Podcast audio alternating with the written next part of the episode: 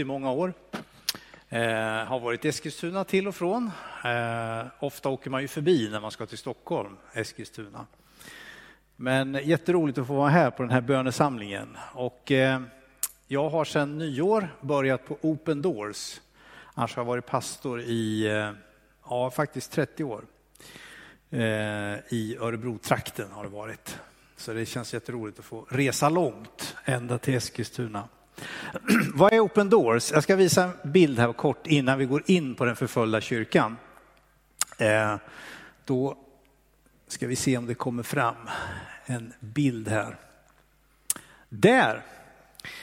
Det är en man som heter Broder Andrew, Andrew van den Piel. Han var en holländare som eh, inte visste vad han skulle göra med sitt liv. Han tog eh, värvning i armén och ut och krigade och kände, vad gör jag här? Och han fick ju vara med och människor dog och han kände, det här är inte rätt väg. Så han hade en kris i sitt liv, sökte till en bibelskola och kände sig kallad av Gud på något sätt. Och någonstans så ringde det inom honom att du ska åka till ställen där eh, mitt ord inte är så levande och verksamt. Och han fick en, en klar ingivelse från det här bibelordet här.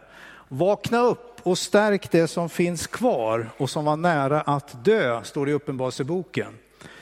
Så han åkte till Polen 1955 och Europa på den tiden var delat i två, Västeuropa och Östeuropa. Det gick som en mur emellan, verkligen bokstavligen. Och de som bodde i Östeuropa tillhörde den kommunistiska länderna och där fick man ju inte vara kristen.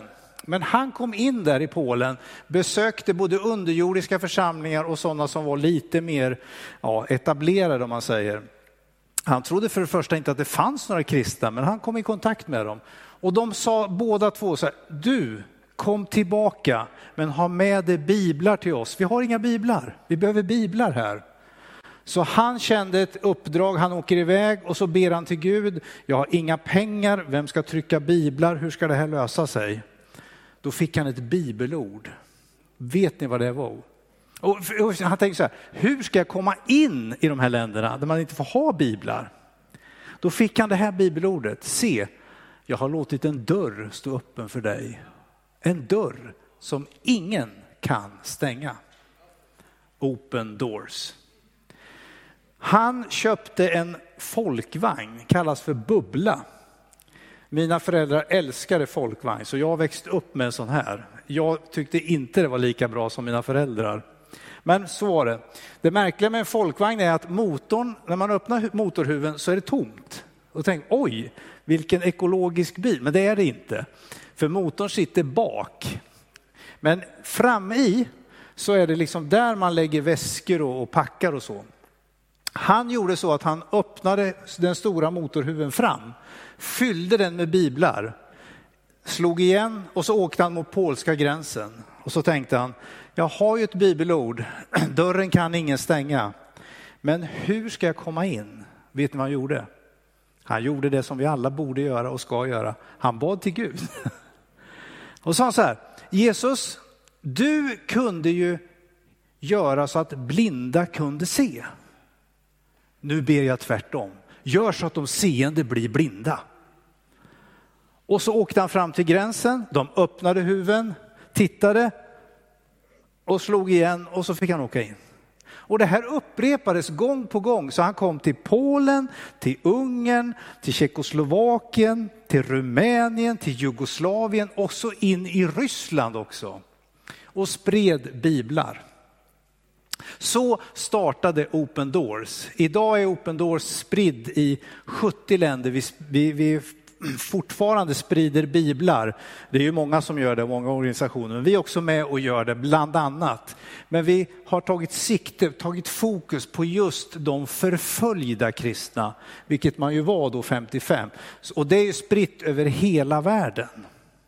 Idag pågår en enormt stor förföljelse av kristna som många inte känner till. Titta på den här bilden. Förresten, det kommer nog fram en bok här nu när vi ska titta på bild nummer två. Ska vi se om det händer något. Så ja, den här boken har jag med mig förresten. Jag kommer stå här efter samlingen. Det finns jättebra böcker, billiga böcker. Vi tjänar ingenting på dem, men vi tycker de här är bra om folk får läsa. Så vill du köpa billiga, bra böcker som förvandlar ditt liv, så den här var jag tvungen att läsa eftersom jag började på Open Doors. Och då kände jag så här, wow, man får höra så mycket på nyheter och det är viktigt. Och så känner man, vad, vilken värld lever vi i? Det blir tungt, det blir jobbigt, det blir svårt. Men så plötsligt läste jag den här boken, då såg jag, ja men det var jobbigt på 50-talet med, men Gud verkade då. Och då märkte jag en skillnad i mitt eget liv. Det är skillnad på vad som händer i världen och vad Gud gör i världen.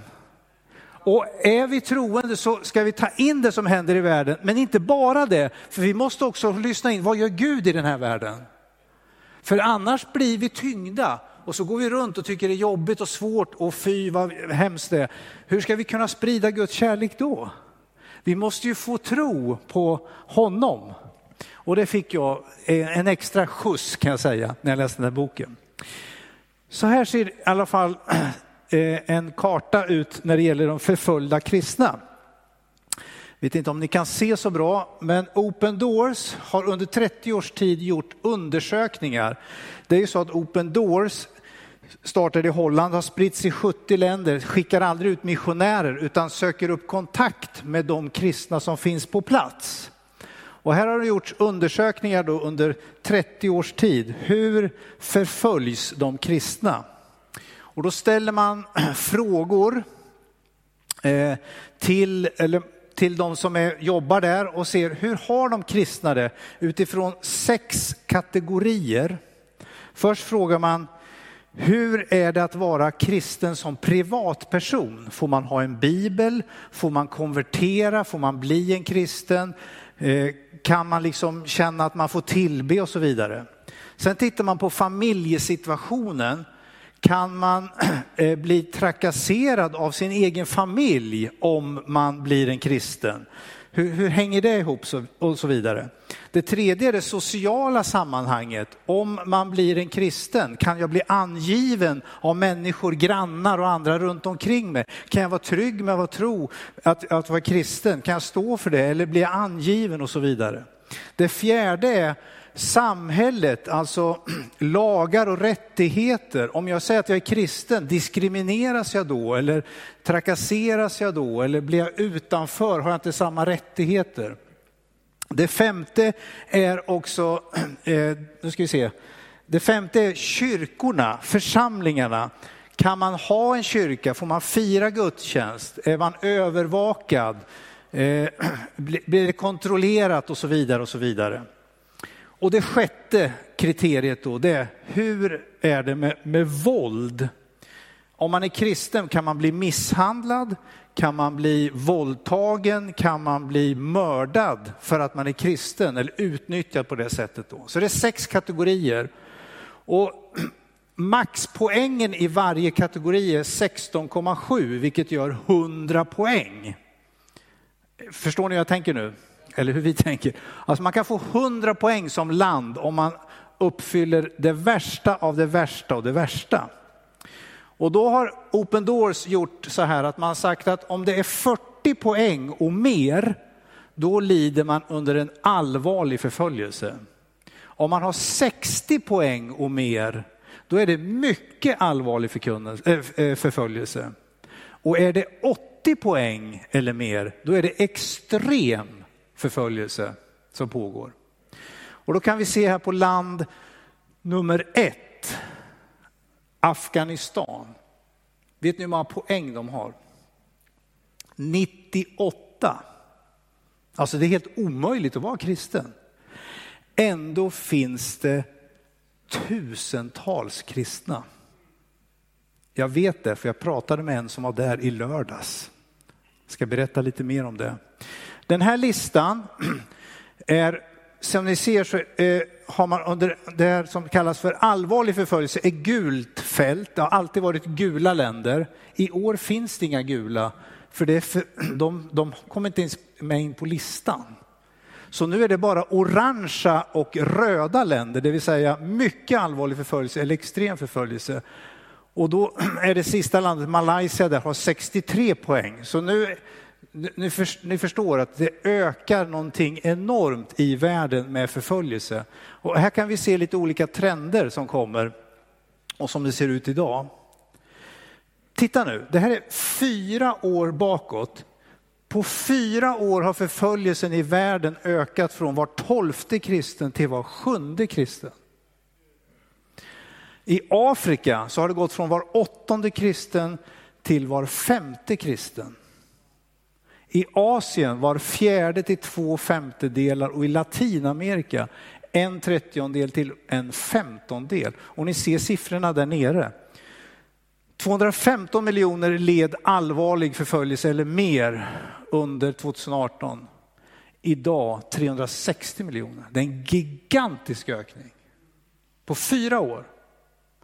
Och det är inte utan att man funderar på Jesu ord. I den yttersta tiden ska det bli svårt.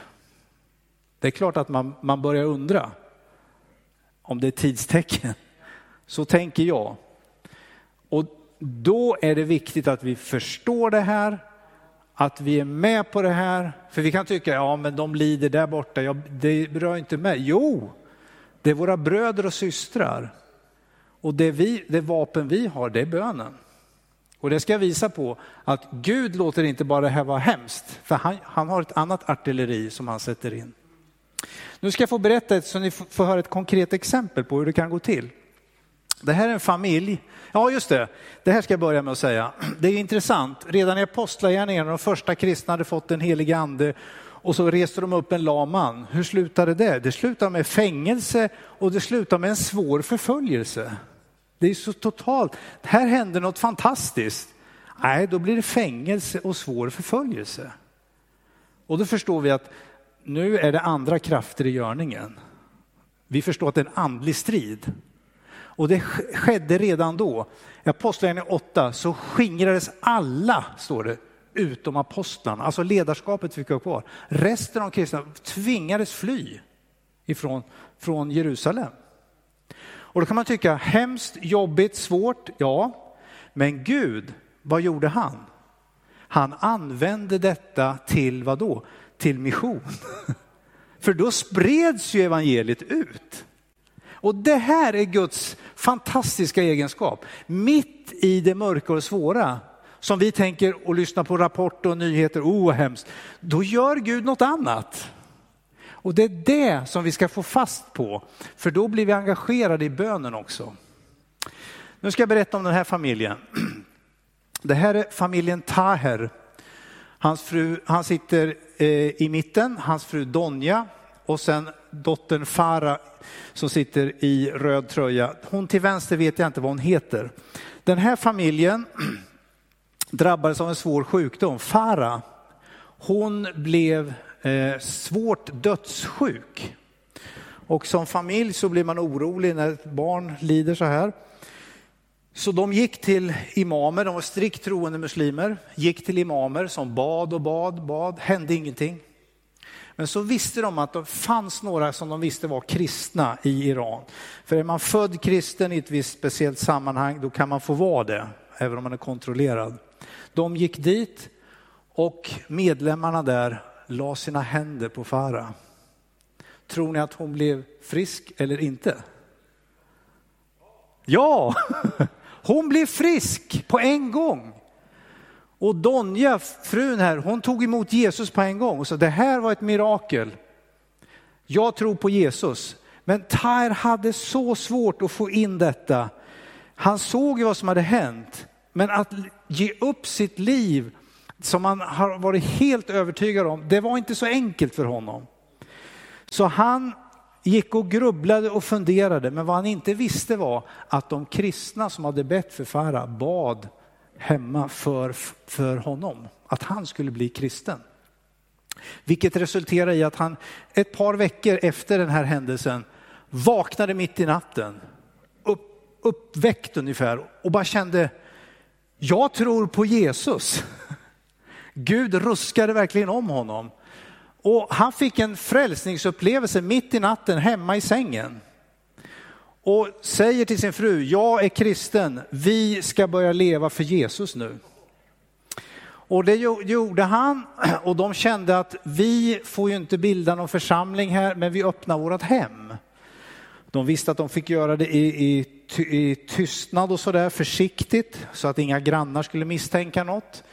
Men det hände mycket på de där bönemötena och folk strömmade till och grannar började undra, vad gör ni där inne? Så eh, misstänksamheten ökade. De beställde också kristen litteratur så de kunde växa i det på olika sätt, hemligt och så. En dag när Tyre var på jobbet så ringde telefonen och en mörk röst sa, du måste komma hem. Och han fick direkt obehagliga känslor, vad är på gång nu? Det som hade hänt var att det hade knackat på dörren och Donja, frun, gick fram till dörren och frågade, vem är det? Det är brevbäraren. Så hon öppnade dörren och en fot stack in emellan och sen bändes dörren upp, hemliga polisen. De vände upp och ner på hela lägenheten för att hitta kristen litteratur, vilket de gjorde. Så när Tair kommer hem så ser han hur sin familj då, de sitter inträngda i ett hörn och så får han handbojor på sig. Du ska in på förhör. Så sätter honom i bilen och drar iväg. Han vet ingenting om någonting, men han säger så här, jag kände att Jesus satt bredvid mig. Så när de åker in så fängslas han och eh, det här kommer pågå nu i några månader. Varje natt kommer de in, tar ut honom klockan 12, sätter honom i förhör, ett förhör som pågår i fyra timmar och de vill att han ska ange sina vänner, andra kristna. Men han vägrar. Så han kommer tillbaks till cellen och sitter där, ber till Gud och så får han en tanke. Nu, nu ska jag skriva bibelord på väggen här. För jag är säkert inte den enda fången som kommer sitta här framöver. Nu ska jag evangelisera. Så han tar alla möjligheter och skriver på väggen bibelord. Det här pågår några månader. Och sen kommer en stund när, när fångvaktarna tar honom till den värsta delen av fängelset. Där sitter de grövsta brottslingarna, de hårdaste våldtäktsmännen och så vidare. Och så säger de så här, här kommer vi ta din familj. Vi kommer släppa in dem här så får de göra vad de vill med din familj, om du inte säger någonting.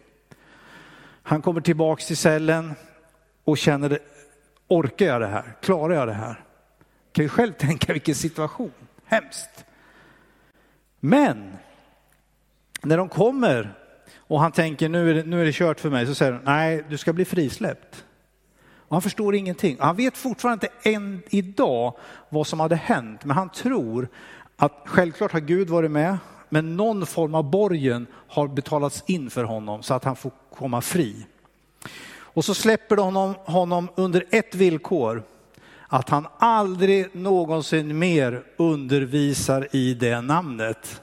Känner igen citatet ifrån Apostlagärningarna? Det kommer igen. Du får inte undervisa.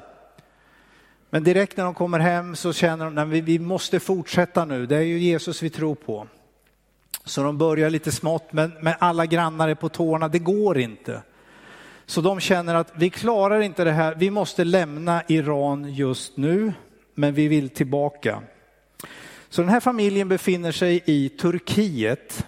De har varit där ett år, de vill tillbaks till Iran, men kan inte. Men Open Doors har letat rätt på den här familjen för de sitter i ett flyktingläger och det är inte lätt om man är kristen i ett flyktingläger. Man kan bli trakasserad där också. Man tänker alla flyktingar är homogena, men det är de inte.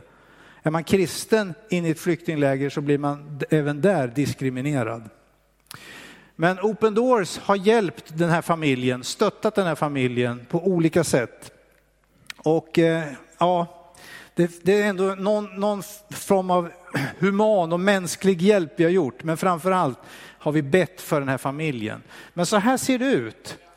Och Gud verkar på det här sättet när han liksom eh, omvänder människor genom under och tecken.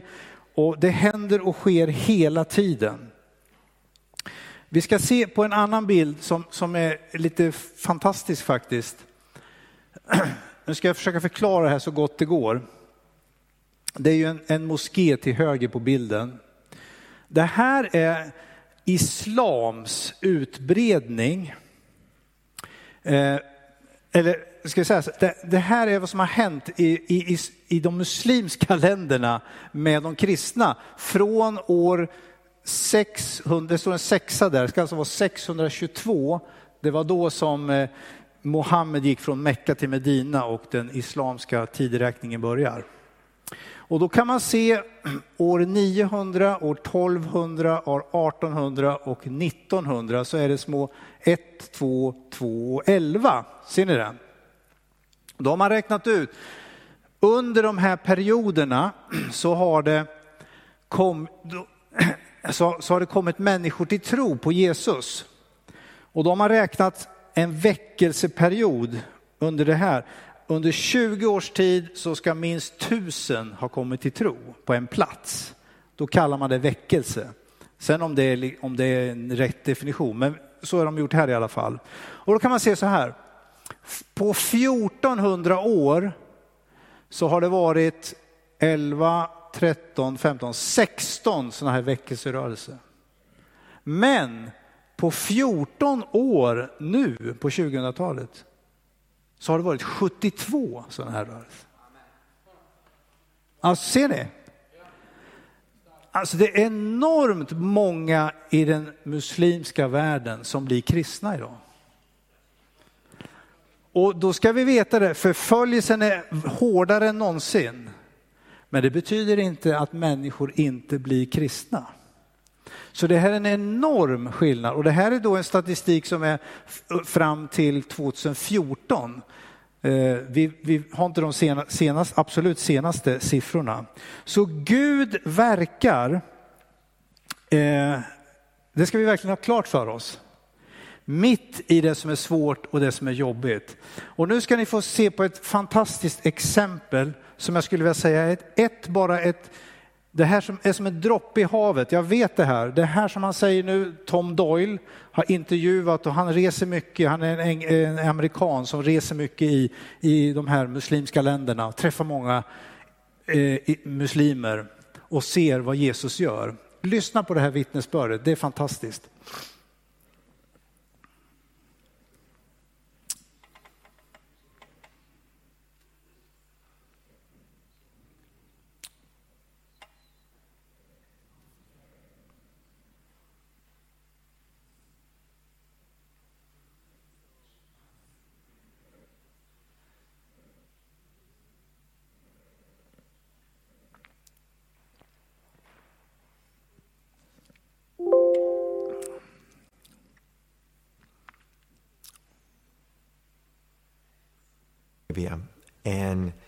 She was a teacher in the Islamic University and taught Sharia law to women. So these young college girls are coming in and they're learning Sharia law. That's part of their college education. This was the main professor. That was her life. That's how it was laid out for her. But Jesus interrupted that. He started to come to her in dreams over and over and over. In fact, one night she woke up in the middle of the night and cried out, Jesus. And her husband woke up and said, What did you say? And she said, I, I don't know. I, I had this dream. It was amazing. Continues to have these dreams. Well, it ends up that they want to send her to Australia to do further studies. So this woman goes with her little daughter, Noreen, who's 10 years old, and they go to Australia. And they're going to be gone for a year. And so on the plane, on the way over, she sits next to a girl from the West who just strikes up a conversation with her. And um, her name is Emma Riley, this young lady. She's a believer. Here's this Muslim covered sitting there, and she said, I, I just love Muslims and I pray for them all the time. And this woman from um, Saudi Arabia is kind of taken back. Well, well, why do you pray for us. And she said, Because Jesus is doing so many things with Muslims. Did you know many Muslims are having dreams about Jesus?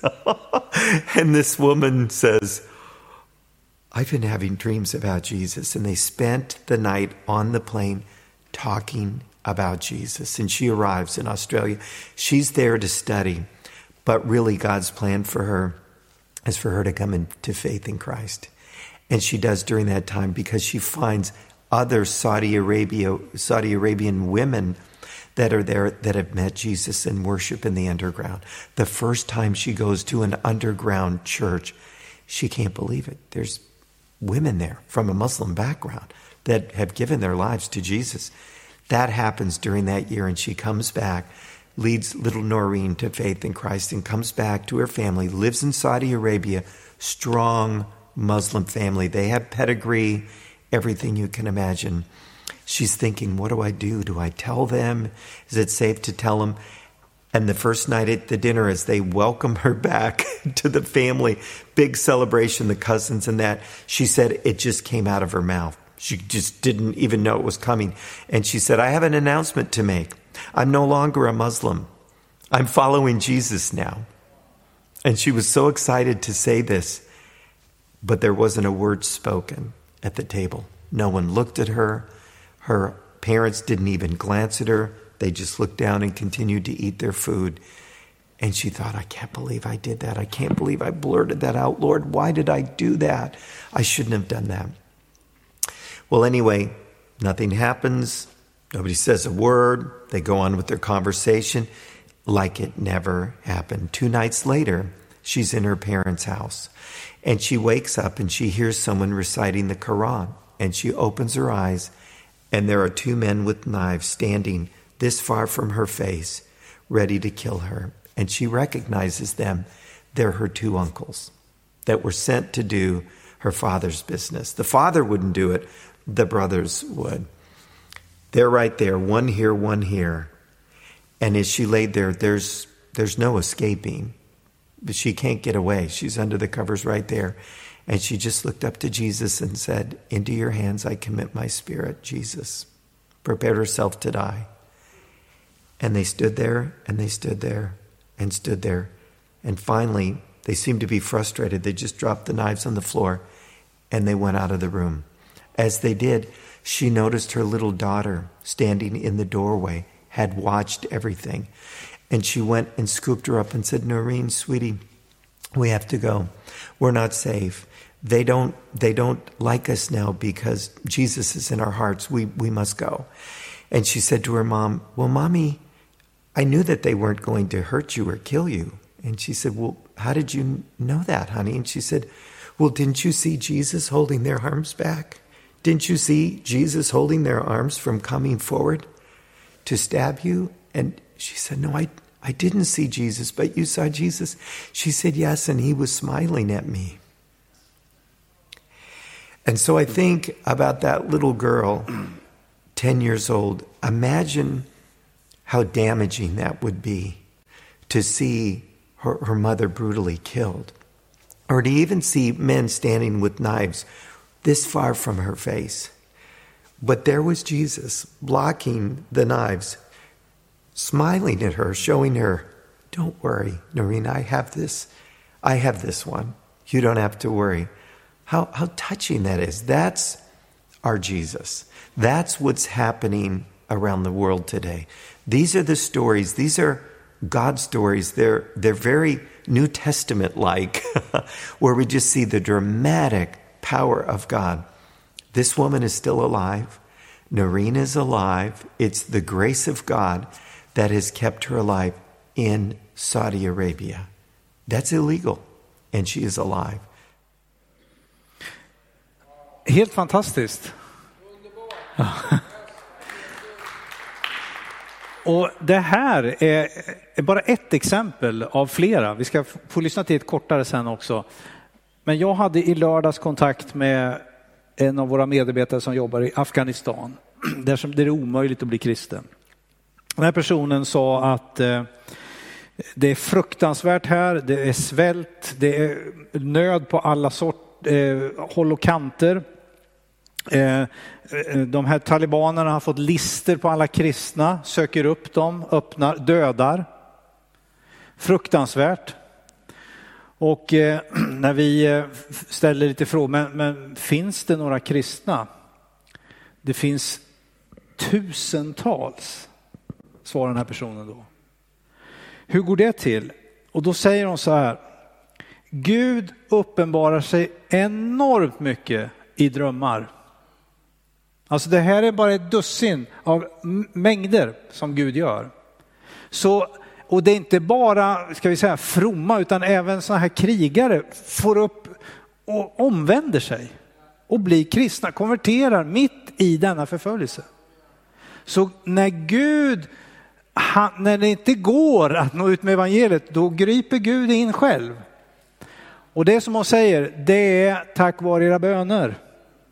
Det är genom böner som vi kan få vara med och påverka skeenden. Så det här med vad Gud gör genom eh, övernaturliga uppenbarelser, det är inget vi bara läser om i Bibeln. Det pågår här och nu i världen och jag tror vi kommer få se mycket mer av det. Och vet ni vad? Jag tror vi kommer få se det mycket mer i Sverige också. För vi är på väg mot att bli allt mer sekulariserade. Vi har inte förföljelse men vi har förförelse som gör att vi tappar gnistan och glöden och passionen. Men då kommer Gud att visa vem som verkligen är Herre. Så det här är en sak som vi ska ha klart för oss, att Gud gör saker. Men det finns också en annan sak som gör intryck på troende muslimer idag och det visar också det här Tom Doyle med det här kort, lite kortare exemplet. Ni vet IS-krigare har ju varit i eh, Irak eh, bland annat. Eh, nu, nu är den delen borta, fast de är på gång lite mer fortfarande faktiskt. De är inte helt utplånade borta. Men det här är ett exempel från vad Gud gjorde med en IS-krigare. Ska vi se det. Recently, there was a man that was in a church in the Middle East, and I can't name the country, but he was with the Islamic State. So, this is in a predominantly Muslim country where there are some above ground churches. Um, the, the country's experienced a lot of conflict recently, but a pastor was preaching, and it is not uncommon now because of all the wars and things going on for Muslims coming in to kind of check things out. What is this about Jesus? And so the pastor's preaching. He notices a man that is about halfway back on his right side. And as he's preaching the sermon, he realizes this man is in this family, and this family is infamous in our city for being involved in terrorism. All of their family is in terrorism. That's the family business, is what that is. And recently, this man has joined the Islamic State. And so this pastor is preaching. There's a man from the Islamic State in the, the congregation. He's thinking as he's preaching, Lord, is he going to try to kill me? Certainly that's why he's here. What do I do? He keeps preaching the sermon. And at the end, he gives an invitation. And the man steps out of the row and gets in the line for the invitation, and it starts to move forward. As many people come to Jesus, he's in that line. The pastor thought, okay, Lord, what do I do? He used to be a boxer in college, and so he thought to himself, do I defend myself? Do I do I just let him hurt me or kill me? What what do I do, Jesus? And God just gave him peace, peace. And finally, the line gets smaller and smaller, and the man is standing right in front of him, and he looks at him and points and says very loudly, You know why I'm here. The Islamic State sent me to kill you, but I want to receive Jesus. And the pastor just, You must be kidding. What, what happened? He said, Did, did you have a dream about Jesus? How, how can this be? And he said, no, I didn't have any dreams about Jesus, but I've seen Jesus. And he said, Where? He said, I've seen him in the lives of the people that follow him. They're the only ones today in our country which has so much bad in it that are filled with love. And they have joy and they have peace in their heart and they have love in their heart in a country where everybody hates each other and I realized the only thing I had in my heart was hate. And I wanted that love. So I came today to hear the message, and you answered my questions. I want to receive Jesus. Vi människor som tror på Jesus kan göra intryck genom att leva i frid och fred med Jesus och kärlek till människor. Det är också ett vapen. Och det är ju det här med andens frukter. Anden och köttet ligger i strid med varandra. Vi tar inte till de eh, fysiska vapnena utan vapnen är egentligen att få be att andens frukt ska få verka i våra liv. Så vi ser att parallellt med att Gud griper in övernaturligt så har vi människor som har tagit emot Jesus också genom våran blick, genom att vi faktiskt kan se, här är en människa som är skapad som har hamnat snett. Ska vi be tillsammans? Ska, kan jag få, få göra någonting för dig? Jag vet att ni gör mycket för Ukraina till exempel och andra människor. Det har effekt, det har betydelse, så det är viktigt. Och det här är så viktigt att vi får höra de här positiva rapporterna. Men det är som Ronald Boyd Macmillan som har skrivit en bok som jag också har här, fantastisk bok. Jag tror jag har citatet här. Vittnesbörd från kristna brukar oftast handla om de som har upplevt fantastisk befrielse. Det har vi gjort idag. Men vi måste komma ihåg, för varje berättelse du hör så finns det hundra berättelser om uthållighet. Så det är inte bara, eh, eh, vi ska inte skönmåla någonting här. Utan det, det, pågår en enorm strid. Många människor dör, sätter livet till och många människor sitta år, år, år i fängelse. Det ska vi veta. Men också hoppet. Så att vi ska inte ge upp. Och det är någonting som, eh, som, som är en, det sista jag ska säga innan vi, innan vi ber här. När man tänker på när Jesus hänger på korset och är precis på väg att ge upp andan så står det ju mängder med människor där nere. Vi har romarna, vi har det judiska ledarskapet, vi har folket, vi har lärjungarna, så många som nu var där. Men hans anhängare, de ser Jesus falla ihop och dö. Vad tänker alla de här människorna som ser sin mästare eller som ser den som skulle komma och befria dö? Då tänker alla så här. Nu är det slut. Det är över. Nu finns det ingen framtid. Vad händer då? Då vänder Gud allt till sin fördel och låter honom uppstå och besegra döden. Det blir den största triumfen. Så det som var ett nederlag som alla trodde blev istället en seger. Och det är så Gud verkar. När Mao Zedong på 60-talet i Kina kom igång och eh, eh, skickade ut alla missionärer, fängslade pastorer, brände kyrkor och biblar. Här skulle det inte vara någon kristendom överhuvudtaget så tänkte man nu är det omöjligt för kristna att vara i det här landet. Vad hände? Man fick gå under jorden och mötas där.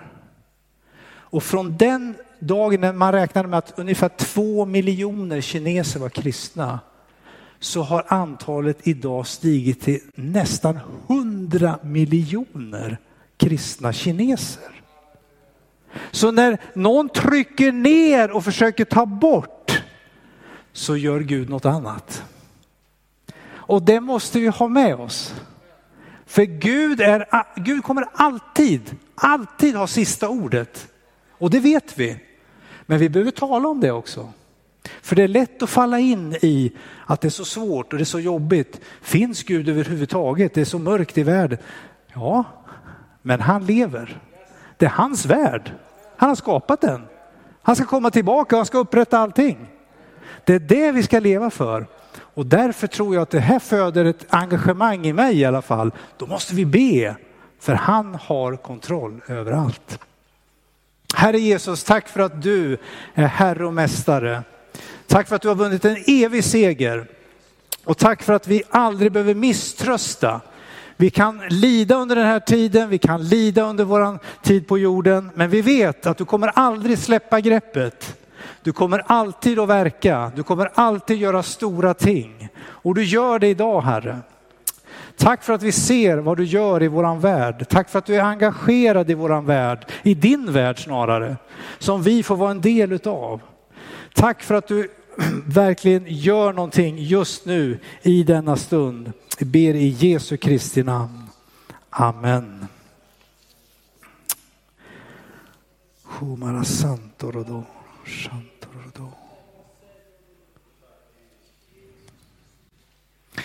Ska vi göra så att vi kan mycket, mycket enkelt, jag tror att Gud är inte beroende av fina böner, långa böner, eh, men, men jag tror att hjärtats böner, det tror jag är viktigt. Kan vi inte ha en liten stund, det kan vara tyst kanske en liten stund, men så känner du att ja, men om du dog för mig Jesus på korset, då kan jag faktiskt våga be också. För jag tror att det gör skillnad när vi uttalar saker. När vi säger saker, munnens bekännelse. Vem är Herre? Så vi är inte farliga någon av oss. Så, så vi tar en stund där vi, där vi ber, där vi är och lyfter varandra i bön. Kanske vi ska stå upp och göra det tillsammans.